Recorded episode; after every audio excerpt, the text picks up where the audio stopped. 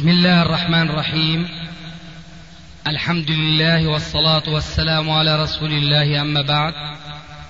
فهذا أحد أشرطة سلسلة الهدى والنور من الدروس العلمية والفتاوى الشرعية لشيخنا المحدث العلامة محمد ناصر الدين الألباني حفظه الله ونفع به الجميع. قام بتسجيلها والتأليف بينها محمد بن أحمد أبو ليلى الأثري. إخوة الإيمان والآن مع الشريط الثالث والثمانين بعد المئة الرابعة على واحد. ولا تقف ما ليس لك به علم. إن السمع والبصر كل أولئك كان عن مسؤولا. وعليكم السلام وبركاته. لا والله بس شفت الموضوع مشي علميا. عقليا.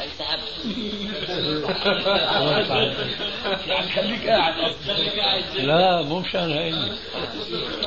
بالعكس أنا بدي أقول لك كلمة. قلت لك إياها بس أنت ما انتبهت لها.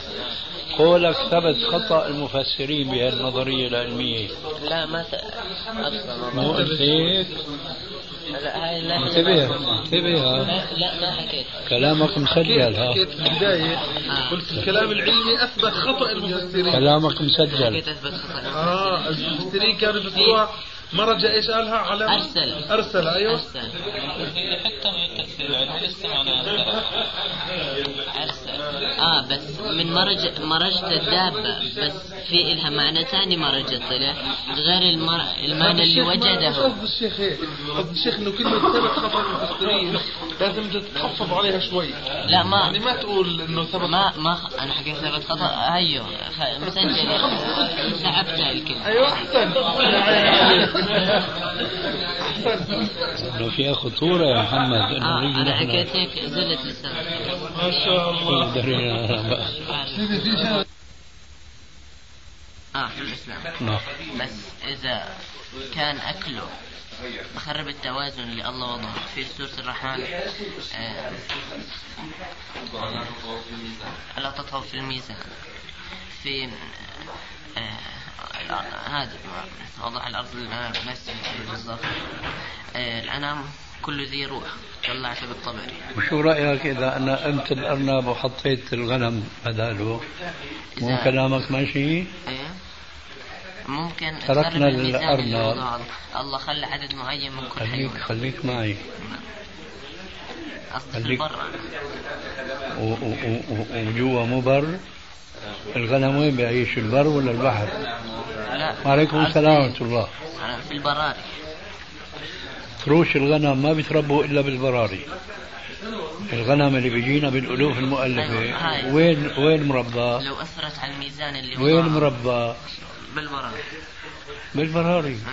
فإذا قيم الأرانب اللي بيعيشوا في البراري بخرب الميزان وحط الغنم بيخرب ما الميزان بقدر أتحكم الله اللي وضعه والارنب مين اللي وضعه؟ الله. يا الله اذا كله راجع إلى الله. آه بس الغنم حطه في كميات آه بس لحاجة الإنسان. أما إذا زادت من اللي حطوا الأرانب؟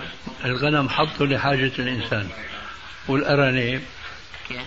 والأرانب الحق على الجماعة عم يشاغبوا علينا. آه. هذا علي بتعرفه هذا عم أقول لك هو يعني بيشاغب آه. فالغنم الله خلقه للإنسان. والارانب أيوة للإنسان. بس طيب. إذا أثر لو قتلته أثر في الميزان. بصير ولو ولو ذبحت الغنم وأثر في الميزان شو؟ مو بصير. ها؟ آه، بتستعيض عنه الشغلة تانية يعني مثلا خلينا نحكي مثال تاني. لا لا لا, لا الله يهديك أنا بدي الحيوانات البرية مش الأليف هلا مو على كيفك.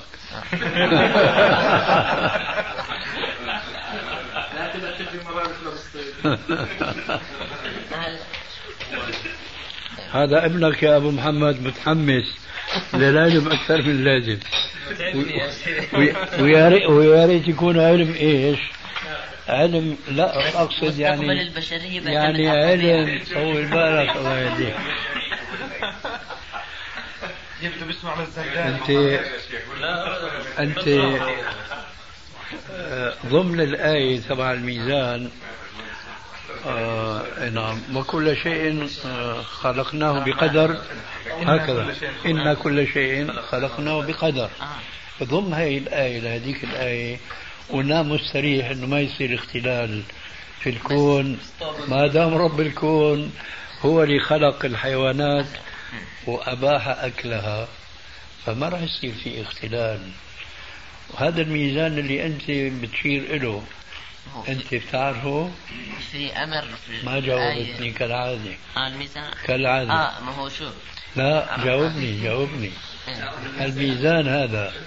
أنت بإمكانك تعرف أنه مثلا كم رأس غنم في في الدنيا وكم رأس أرنب في بالدنيا. فإذا صار في إبادة في الغنم أكثر من اللازم شو راح يصير؟ راح يختل الميزان. كذلك في الأرانب. أنت بإمكانك تعرف هذا الشيء؟ في جمعيات حماية الطبيعة أنت أنت.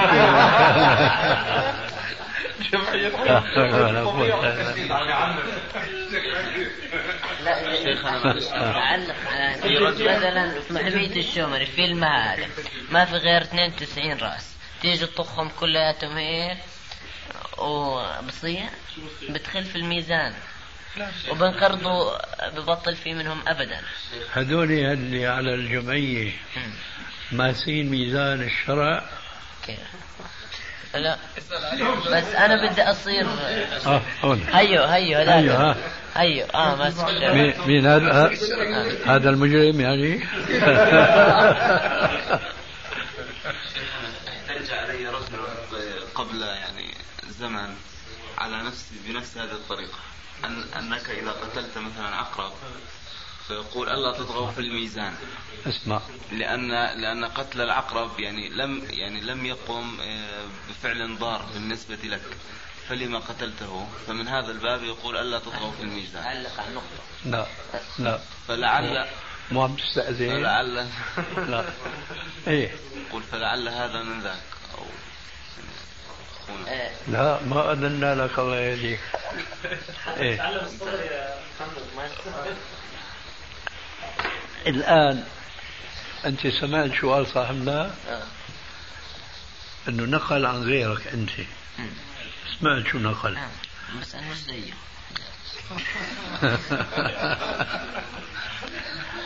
شو رأيك فيما نقله؟ آه، إذا كان في أمر بقتل حيوان أو شغلة هذه بتكون من الميزان. فإذا انغلبت حالك أنت على الأرنب في أمر ولا ما في؟ لا ما فيش. شو؟ كيف؟ أمر أن نقتله تذبحه يعني. في إباحة يعني إنه ذبح الأرنب؟ في ما هذا أنا اللي بسأله. لا قبل ما تسأل. هذا اللي بسأله. إذا أثبت قبل ما تسأل الله يهديك أنت باعتبارك شاب والحمد لله ناشئ وناشئ أولا في بيت مسلم وثانيا عم تحاول تعيش في بيت علمي ها؟ لازم تكون غير متناقض في منطقك. لا ما هو من لسه لسه لسه. لسه بعد أنا ما انتهيت. كان جوابك أنك بتفرق بين العقرب وبين ما أبيح إيش؟ قتله يعني ذبحه. بينما أنت ضربت مثال فيما أبيح آه، أكله وهو الأرنب. ولذلك أنا إذا كنت تذكر نقلتك من الأرنب إلى إيش؟ إلى الغنم. إيه ما تغير رأيك؟ بينما هلا تغير رأيك؟ قلت إذا كان مباح ما بيخل بالميزان. ماشي. ماشي؟ لا أنا إذا كان ماشي خلص وقفنا. لا لسه مش ماشي طيب. هلا. نشوف. أنا سؤالي في الأصل.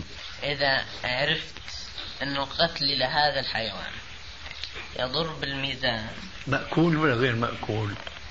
مأكول أو غير مأكول؟ هذا بخالف كلامك الأخير ليش؟ أنه فرقت بين المأكول المباح أكله كل حيوانات وبين كله نفس الطينة كيف؟ كله شلون كله؟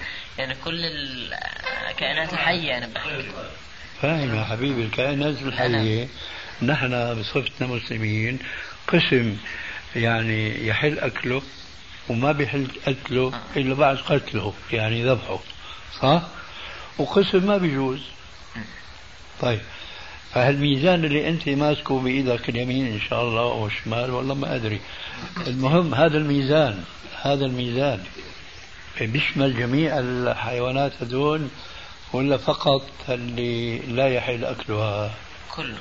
كله. ما هذا السؤال شو رأيك بالنسبة للكلام اللي نقله عن صاحبك اللي ما هو صاحبك بس الظاهر صاحب في الفكر؟ أنت إيه. قلت لا أنت ما بتقول مثله. هلا في المباح. لا لا عم اسالك آه. اللي نقله آه عم بعلق عليه. لا قبل تعليق. شو رأيك في الكلام؟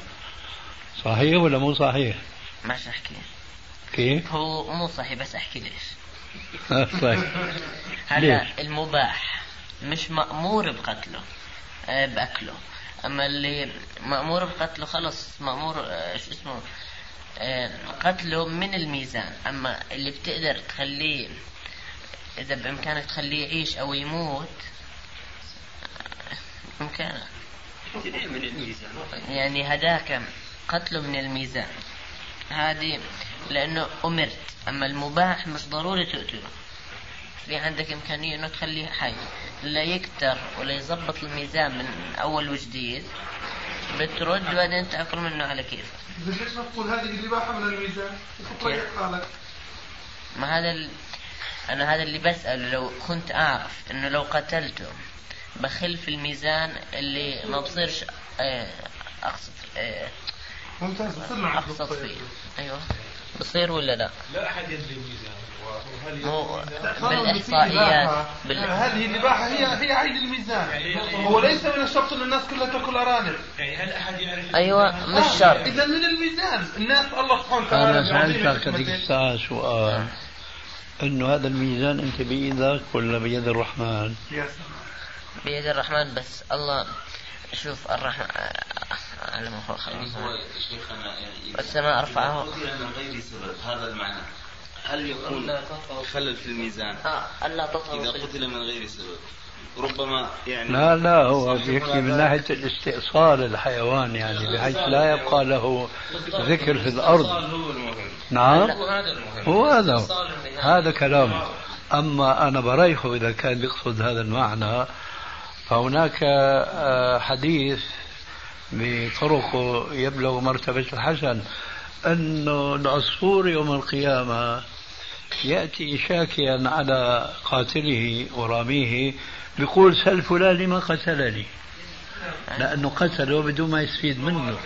أما لو قتله ليستفيد منه هذا ما بيخل بالميزان. إذا الاستفادة بتكون خاصة وبتضر في عامة المسلمين. هو باكله والمسلمين بتضرروا. بصير ولا لا؟ شو عرفك يا حبيبي؟ أنت عم تعيش في. خيال الآن. لا في إحصائيات. في ناس حماة الطبيعة بدوروا بيعملوا بيشوفوا يا حبيبي حماة الطبيعة ممكن يحصروا بعض الحيوانات وفي أرض آه. أيوة وفي أرض معينة آه. آه. لكن ما بيقدروا يحيطوا بالحيوانات الموجودة في الكرة الأرضية كلها الحيوانات اللي بشكوا فيها في الأقمار الصناعية صار في إمكانية إنه يحصوا عددها وك- شو بصير آه، عن طريق حرارة جسمها بيقدروا يعرفوا تعرف هي مسألتك مثل إيش؟ مثل قضية اللي وردوا لنا إياها الكفار هذول تحديد النسل. شو رأيك أنت بتحديد النسل؟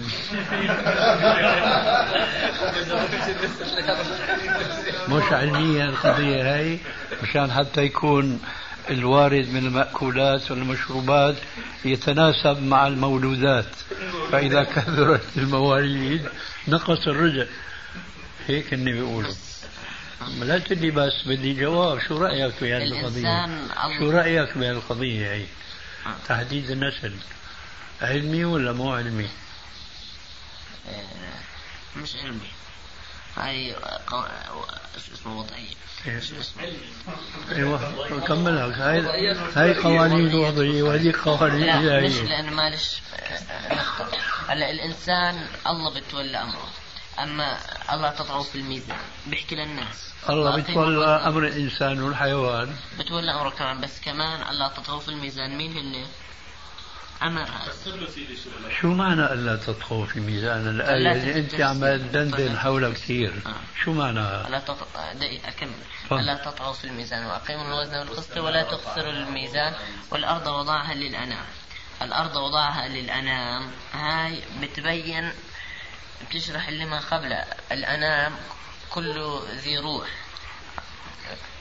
في التفسير طلعت ابن عباس. يمكن مش متأكد تفسير ابن عباس؟ لا لا ابن عباس. هو اللي حكاها هيو في الطبري الطبري.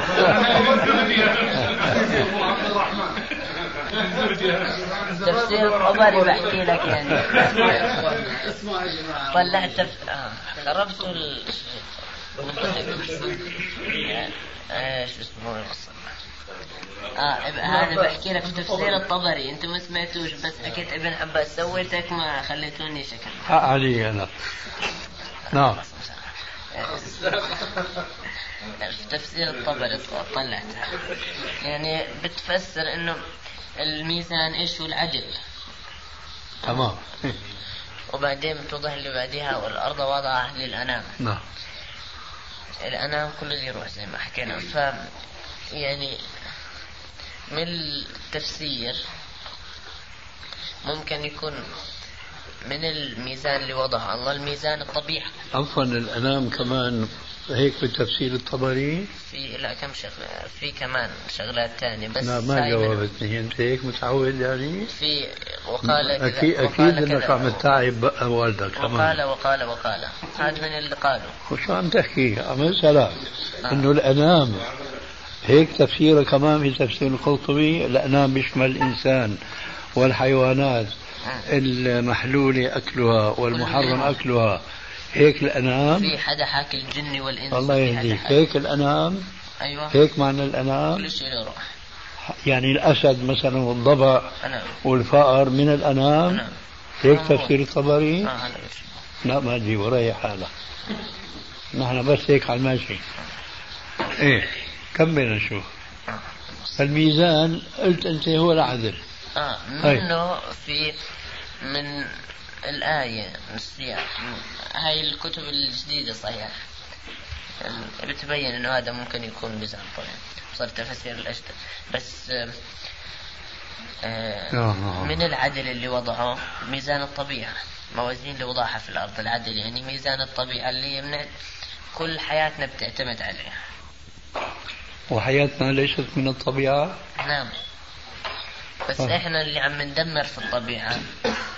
نحن نحن من الطبيعة. آه. طيب الطبيعة إحنا- بتدمر الطبيعة. إحنا حراس الطبيعة.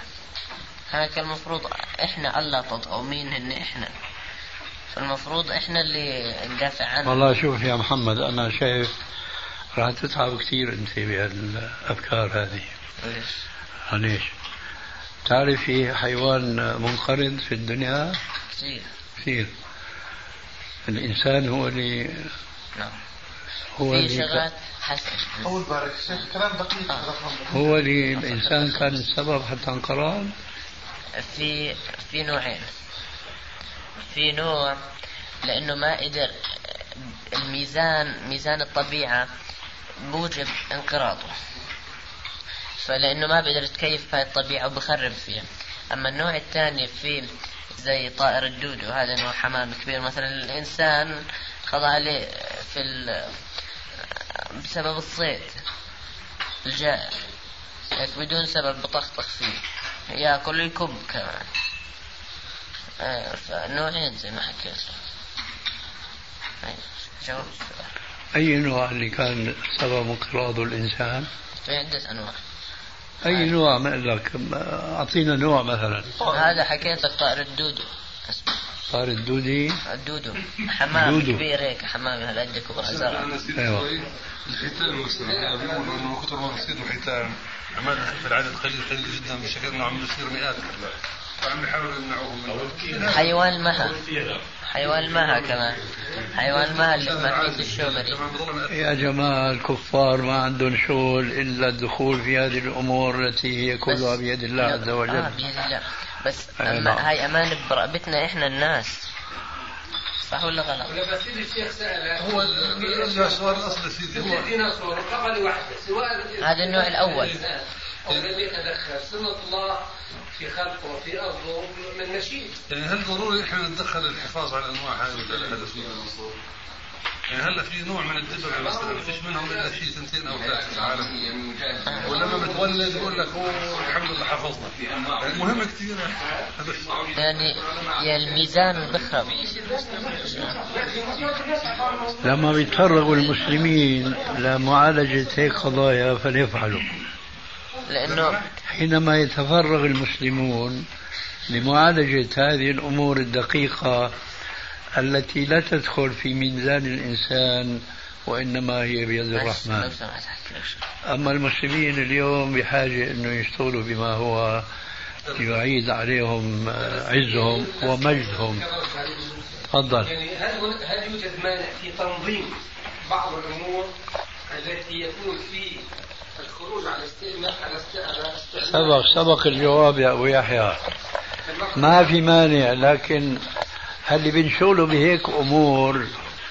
متفرغين. ما عندهم لا عبادة ولا دراسة شرعية ولا ولا توجه إلى الله وإنما يتوجهون إلى دنياهم. ولذلك دمغهم رب العالمين بقوله عز وجل يعلمون ظاهرا من الحياة الدنيا. وهم عن الآخرة هم غافلون. نحن المسلمين ما لازم نكون مثلهم. ما لازم نتشبه بهم لا في منطقهم ولا في علومهم ولا في أزيائهم ولا في أخلاقهم وآدابهم وتقاليدهم. فهذا النوع من العلم هذا من نافلة العلم. من نافلة العلم.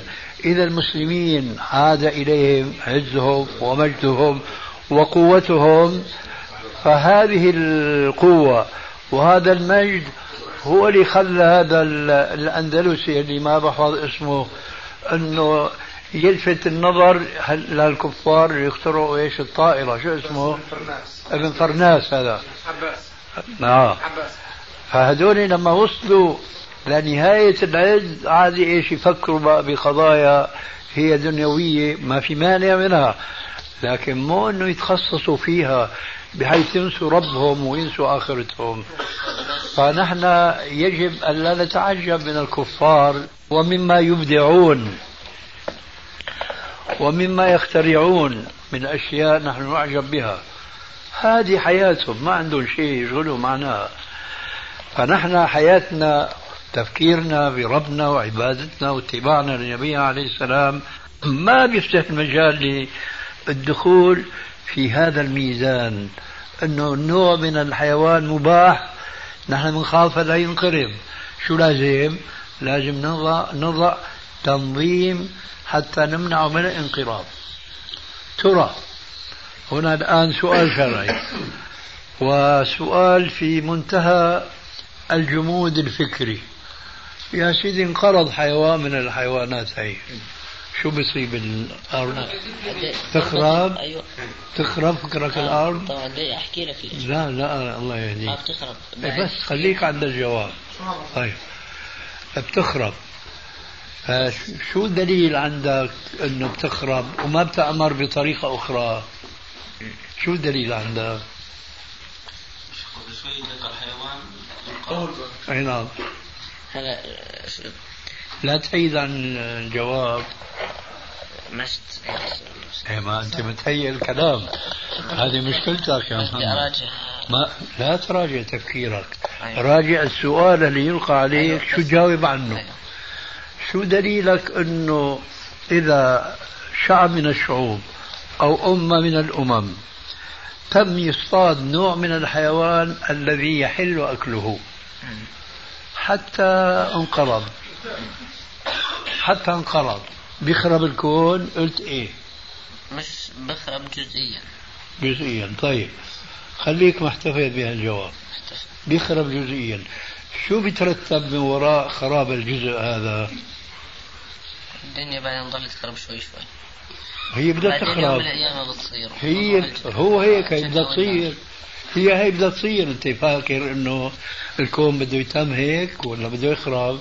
راح يخرب بس. اذا اذا هذا بيكون مقدمات لخراب الكون. فشو همك بقى أنت؟ طب دقيقة أحكي معلش. لا قبل دقيقة.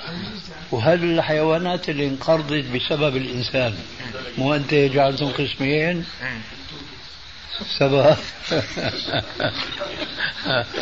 سبب انقرض بسبب الإنسان. شو أسا- أصاب الأرض؟ خربطوني. الله يهديهم. وأنا معهم. إيه شو أصاب الأرض من بعد ما هالحيوان انقرض؟ شو أصاب الأرض؟ احكي في راح تصير بالأرض عدة شغلات مو راح يصير عمل لك شو صار؟ أنت عم تقول الديناصور؟ إيه. الديناصور من النوع الثاني. الديناصور الله بده إياه مشان الميزان يتم. أنت الدودو يا أخي. عم نحكي عن عم نحكي عن حيوان اللي سبب انقراضه الإنسان. شو أصاب الأرض؟ في كل حيوان له واجب. وله وظيفة في الله الله يهديك الله يهديك. يا أخي هذا الحيوان اللي انقرض بإرادة الله ما كان له وظيفة؟ ماشي اضرب لك مثال الشيء. لا جاوبني عن سؤالي. جاوبني عن سؤالي. بس الخلف ما فهمتني لسه بضلهم بيشوفوا هذول الجماعة القسم الأول هل انقرض؟ ما كان له وظيفة في, في الأرض؟ وظيفة. طيب. لما انقرض شو صار بالوظيفة خلل هاي جزئي صار ها؟ صار في خلل جزئي إيه شو ترتب وراء الخلل الجزئي آه كارثة. ها؟ بتصير كارثة بعدين إذا ضلهم يسووا هيك. لك يا أخي لا تقول بيصير قول صار. آه. صار؟ آه في أستراليا مثلا. آه خربوا الميزان جابوا كم أرنب من إنجلترا. ست أزواج. الطائر اللي انقرض بسبب أحكي عن ذاك ما عملت عليه ما قرأتش كثير عليه. يلا سبحانك اللهم ما قرأت وبحمدك. أشهد أن لا إله إلا أنت الله. يعطيك العافية.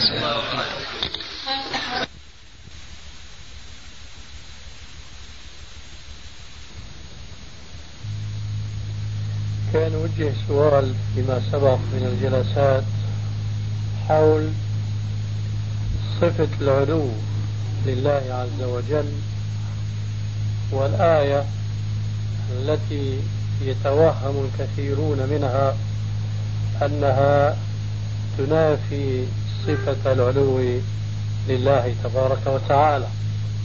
ألا وهي قوله عز وجل وهو معكم أينما كنتم. فيجب أن نعلم في هذا الصدد أن الله تبارك وتعالى له كل صفات الكمال وهو منزه عن جميع صفات النقصان. وأن صفات الكمال منها ما هو معلوم بمجرد العقل والفطرة السليمة. وهذا قليل مثل كون الله عز وجل فوق المخلوقات كلها. فهذا يعرف بمجرد العلم بأن الله عز وجل يليق به كل صفات الكمال. فأن يكون الله عز وجل فوق المخلوقات ولا عكس. فهو مما يعرف ببديهة العقل. ومع ذلك فقد جاءت النصوص الكثيرة في الكتاب والسنة تصرح تصريحا ليس بعده تصريح بأن الله عز وجل فوق المخلوقات كلها وبعض هذه النصوص تبين بأنه فوق العرش بصورة خاصة. فآية الرحمن على العرش استوى التي تكررت في عديد من الآيات الكريمة. أشهر من أن تذكر. فالعرش خلق من خلق الله عز وجل بل هو أعظم مخلوقات الله تبارك وتعالى.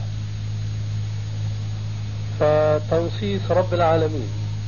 على أنه فوق العرش العظيم هو من العقائد التي يجب على المسلم أن يتبناها ولا أن ولا يجوز له أن ينحرف عن دلالتها الظاهرة إلى المعاني المخترعة المبتدعة, والتي يذهب إليها كثير من علماء الكلام المعروفين بانحرافهم عما كان عليه السلف الصالح من الإيمان بآيات الصفات كلها وأحاديث الصفات كلها دون أي تحريف أو تأويل. وقد تواتر أو على الأقل اشتهر عن الإمام مالك رحمه الله أنه جاءه رجل فقال يا مالك الرحمن على العرش استوى كيف استوى؟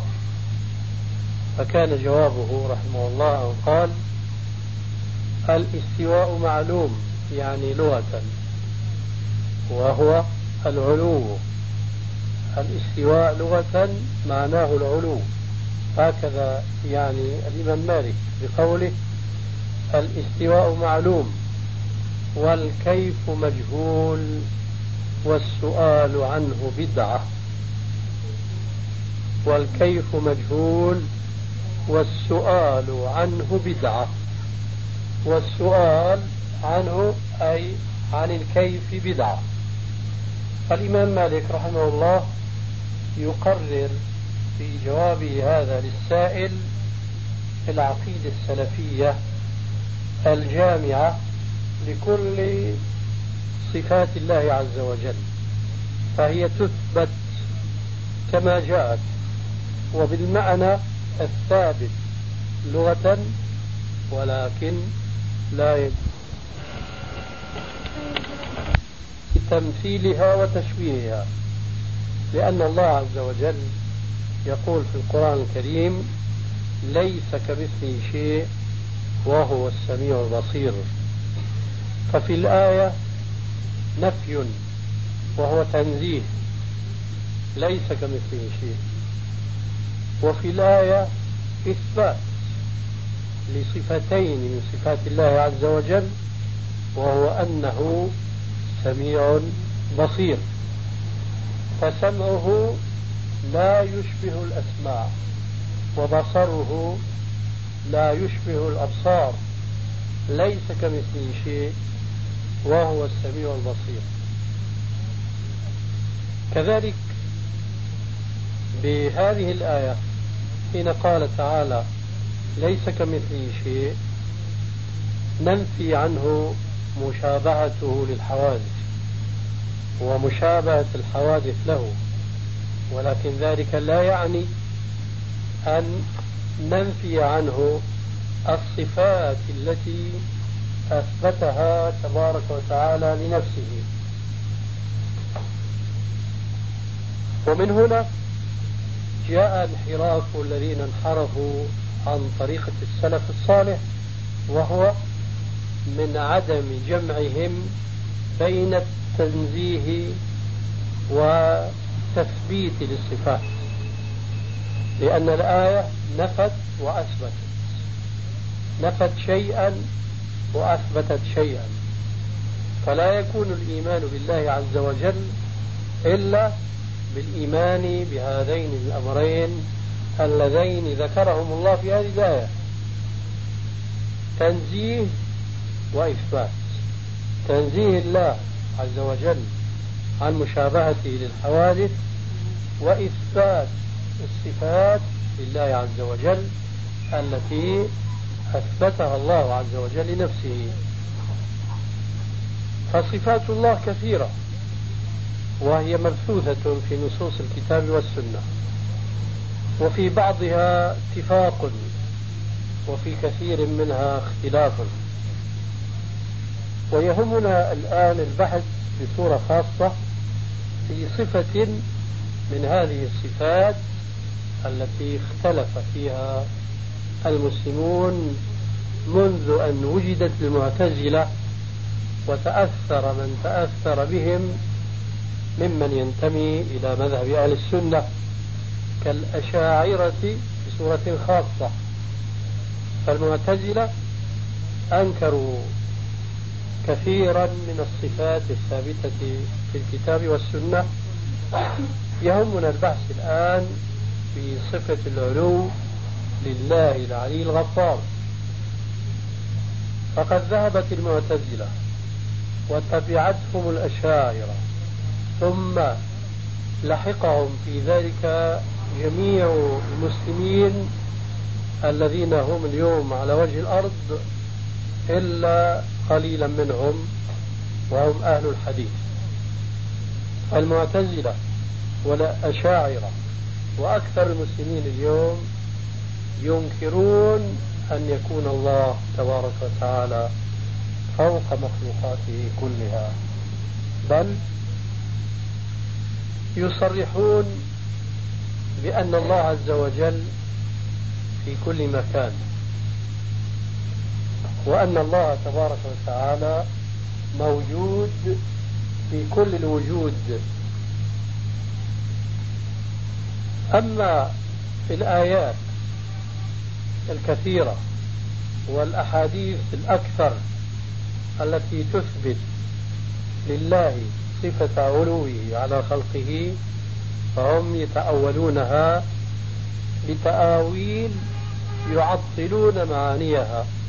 أي هذه التآويل تؤدي بهم إلى إنكار حقائق هذه المعاني التي تضمنتها النصوص المشار إليها من الكتاب والسنة. فمثلا من هذه النصوص الصريحة في إثبات العلو لله عز وجل الآية السابقة الرحمن على العرش استوى. فهم يؤولون هذه الآية فيعطلون معنى العلو فيها بقولهم الرحمن على العرش استوى أي استولى. هكذا يفسرون الآية. الرحمن على العرش استوى يعني استولى من الاستيلاء. ويحتجون على ما ذهبوا إليه من التأويل المذكور بشعر معروف وهو استوى بشر على العراق بغير سيف ودم مهراق. استوى بشر على العراق بمعنى استولى. هكذا يفسرون الآية الكريمة. الرحمن على العرش استوى معناه عندهم استولى.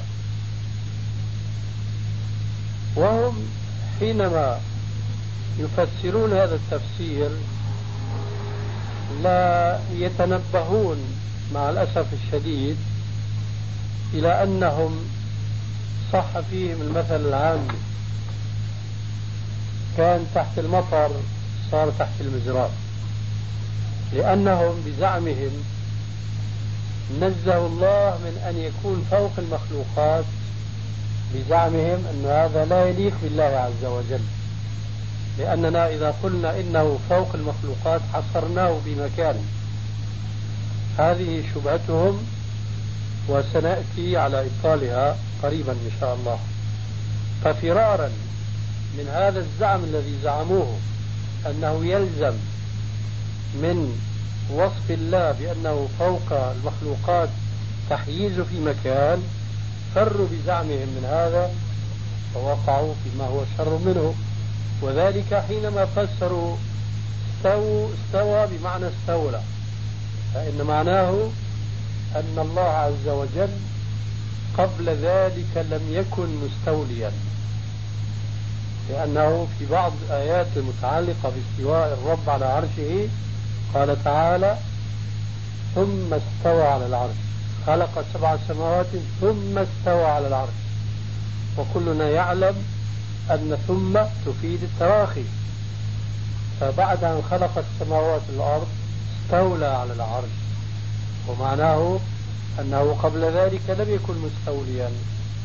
ولازم هذا أنه كان عاجزا عن الاستيلاء شأن الخالق الأكبر سبحانه وتعالى كشأن بشر الذي ضربوا به المثل. فقالوا في الشعر استوى بشر على العراق. هذا بلا شك معناه لم يكن قبل ذلك مستويا. ولماذا؟ لأنه لم يكن قادرا على الاستيلاء ولذلك قال استوى بشر على العراق. بغير سيف ودم مهراق فكلمة استوى بمعنى استولى فيه تعجيز لرب العالمين لم يتنبهوا له. لأنه ثم استوى أي ثم استولى. وقبل ذلك ماذا كان؟ كان غير مستول. مع أن المسلم بمجرد أن يستحضر عظمة الله تبارك وتعالى وأنه قادر على كل شيء مجرد استحضاره لهذا المعنى يعلم أنه ما يخلق شيئا إلا وهو مسيطر عليه. لا تنفك سيطرته عنه لحظة مهما دقت وصغرت فإذا هم بزعمهم في سبيل تنزيه الله عن المعنى الخاطئ الذي قام في في نفوسهم وقعوا في تنقيص الله عز وجل. وفي نسبتهم له إلى العجز والتقصير لأنه لم يكن مستوليا على العرش ولو لحظة من الزمن ثم استولى على العرش. وهذا آه، ضلال لا يحتاج إلى كبير شرح. ما الذي أوصلهم إلى مثل هذا التأويل؟ زعموا بأنهم أرادوا الخلاص من جعل الله عز وجل في مكان وبظنهم أن المسلم إذا آمن بقوله تعالى ثم استوى على العرش أي استعلى بظنهم أن معنى هذه الآية أن الله عز وجل في مكان. وهذا ظن خاطئ ورأي عاطل. لا ينبغي أن يتورط أو أن يغتر به المسلم. لأن الله تبارك وتعالى ليس في مكان. لا قبل المخلوقات ولا بعد المخلوقات. كان الله ولا شيء معه. الله تبارك وتعالى غني عن مخلوقاته. فإنه تبارك وتعالى من أوصافه وهو الغني عن العالمين. كما قال ولله على الناس حج البيت من استطاع إليه سبيلا ومن كفر فإن الله غني عن العالمين. فكان الله كما نعلم جميعا ولا شيء معه ولا خلق معه ثم خلق المخلوقات كلها. فقبل أن يخلق المخلوقات لم يكن في مكان قطع لأن المكان وجد بوجود الخلق. أما قبل وجود الخلق فلم يكن هناك مكان. فإذا كان الله ولا خلق معه أي ولا مكان معه أيضا. فلما خلق الله تبارك وتعالى المخلوقات وجد المكان. فهل حل في هذا المكان؟ حاشا لربنا أن يكون فقيرا محتاجا إلى شيء من خلقه. فهو عز وجل من هذه الحيثية ليس في مكان وليس بحاجة إلى إلى مكان فهو الآن كما عليه كان قبل وجود المكان. قبل وجود المكان لم يكن في مكان فهو كذلك بعد وجود المكان ليس في مكان. هذه حقيقة بدهية. وهؤلاء الذين يفسرون الآية السابقة استوى بمعنى استولى هم يريدون الفرار من إثبات المكان لله وليس هذا طريق هذا الفرار. كما قيل أوردها سعد وسعد مشتمل ما هكذا يا سعد؟ تورد الإبل على المسلم أن يثبت أن الله عز وجل لم يكن في مكان وهو كذلك بعد أن خلق المكان ليس في مكان. فاعتقاد المسلم أن الله فوق المخلوقات لا يعني أنه في مكان لأن المخلوقات محدودة المدى. فكل شيء محدود من المخلوقات. فإذا كانت المخلوقات محدودة فما وراء المخلوقات عدم ليس هناك مكان. فإذا كنا نقول كان الله ولا شيء ولا مكان فإذا هو لم يكن في مكان فهو كذلك أيضا. ما دام أنه وراء المخلوقات فهو ليس في مكان إذا المشكلة التي اضطرتهم إلى تأويل عشرات النصوص من الكتاب والسنة هو وهم وخيال لأنهم يتوهمون أن إثبات الفوقية لله معنى ذلك جعله في مكان. والفوقية التي هي صفة لله عز وجل لها علاقة بالله الأزلي القديم وليس لها علاقة بالحادث المخلوق الذي وجد بعد أن لم يكن. هذا المخلوق محدود ففي حدوده المكان والزمان. أما ما وراء هذا المخلوق فلا مكان ولا زمان. فأي شيء وراء هذا المخلوق ليس إلا الله تبارك وتعالى. ومن هنا يقول السلف رضي الله عنهم كالإمام أحمد وعبد الله المبارك وغيرهم أن الذين ينفون صفة العلو عن الله تبارك وتعالى وأن الله ليس فوق مخلوقاته إنما يريدون إنكار وجود الله عز وجل. ولكن بطريقة ملتوية ليست صريحة في الإنكار.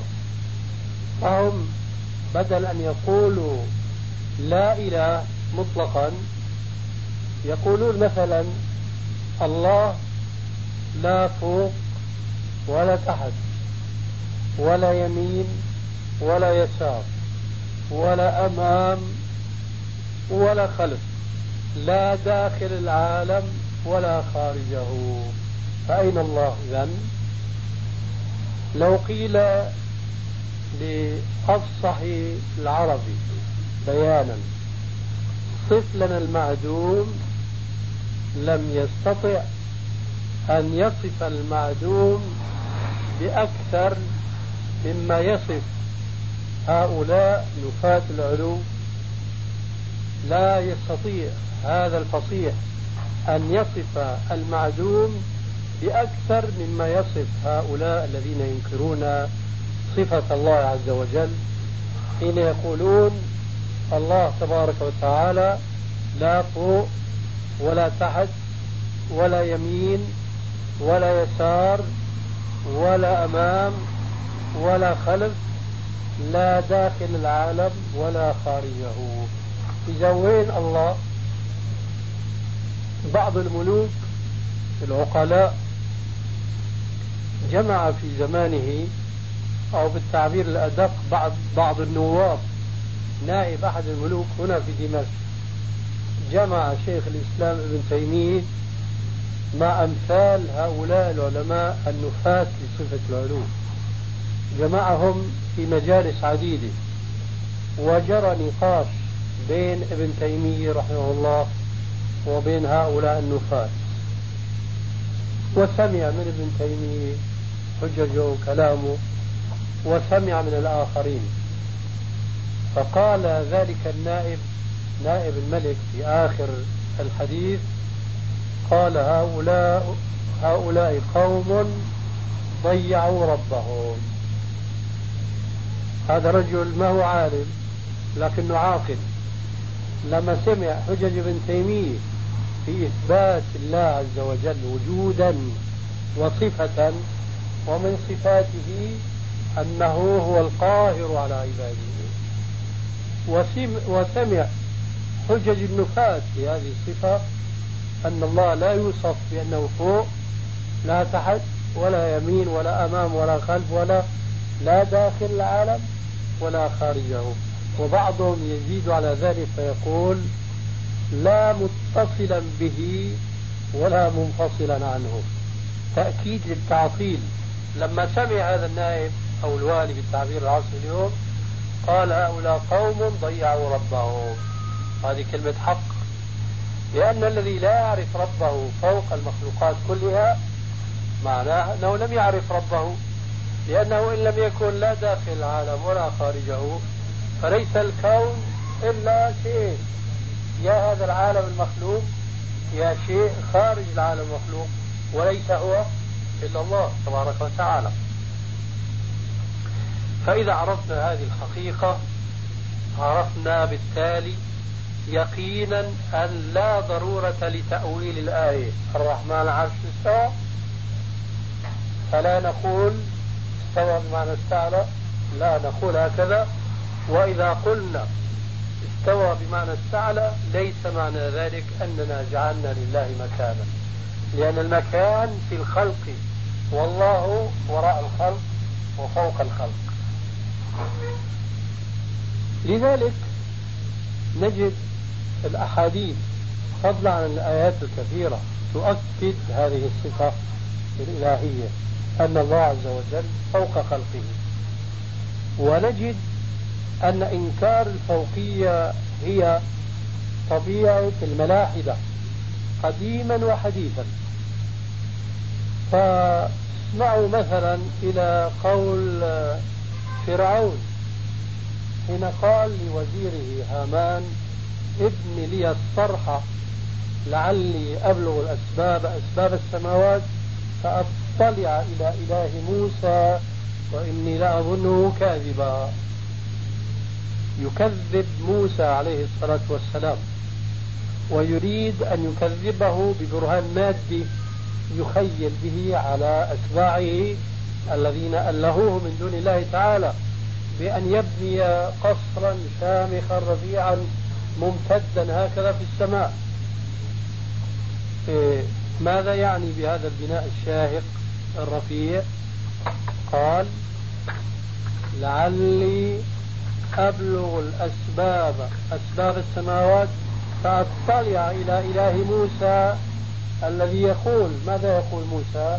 إنه الله فوق. وإني لأظنه كاذبا. سأبني هذا البنيان الشامخ الرفيع. ثم لا أجد الإله الذي يدعوكم موسى إلى عبادته من دوني. فرعون يقول هكذا. إذا هذه الآية فيها إثبات حقيقة وهي التوحيد ووجود الله عز وجل وإثبات من كان ينكر هذه الحقيقة.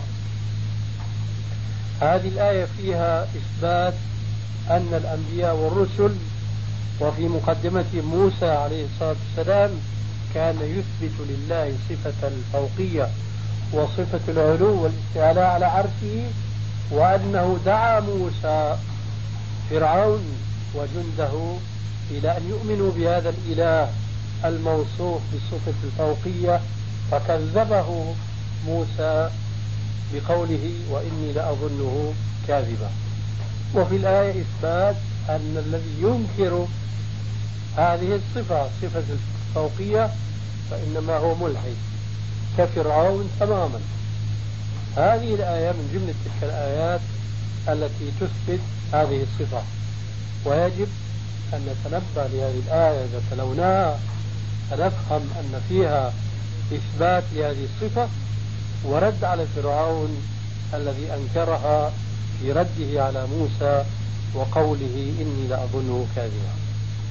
كذلك هناك آية إليه يصعد الكلم الطيب والعمل الصالح يرفعه.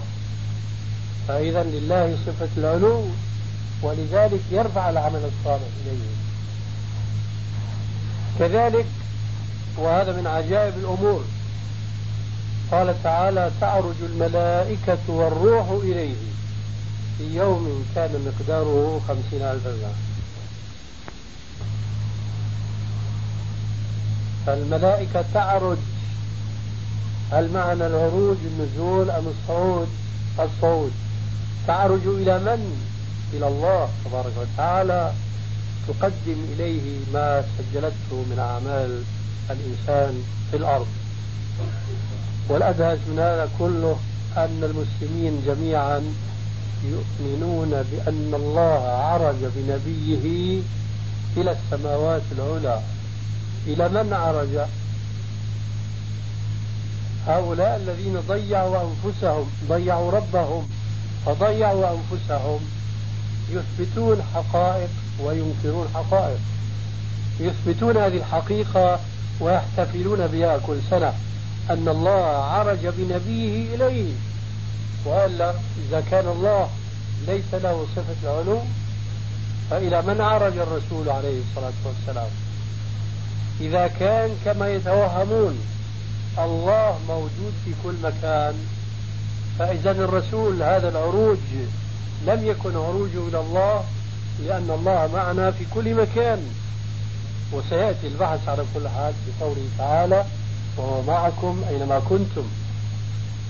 إذا فهذه الحقائق حينما يدخل التأويل تتعطل هذه الحقائق من أذهان الناس وتتبخر ويصير أمرهم أنهم ينكرون ما أثبت الله عز وجل في كتابه وما شرحه نبيه صلى الله عليه وسلم في حديثه.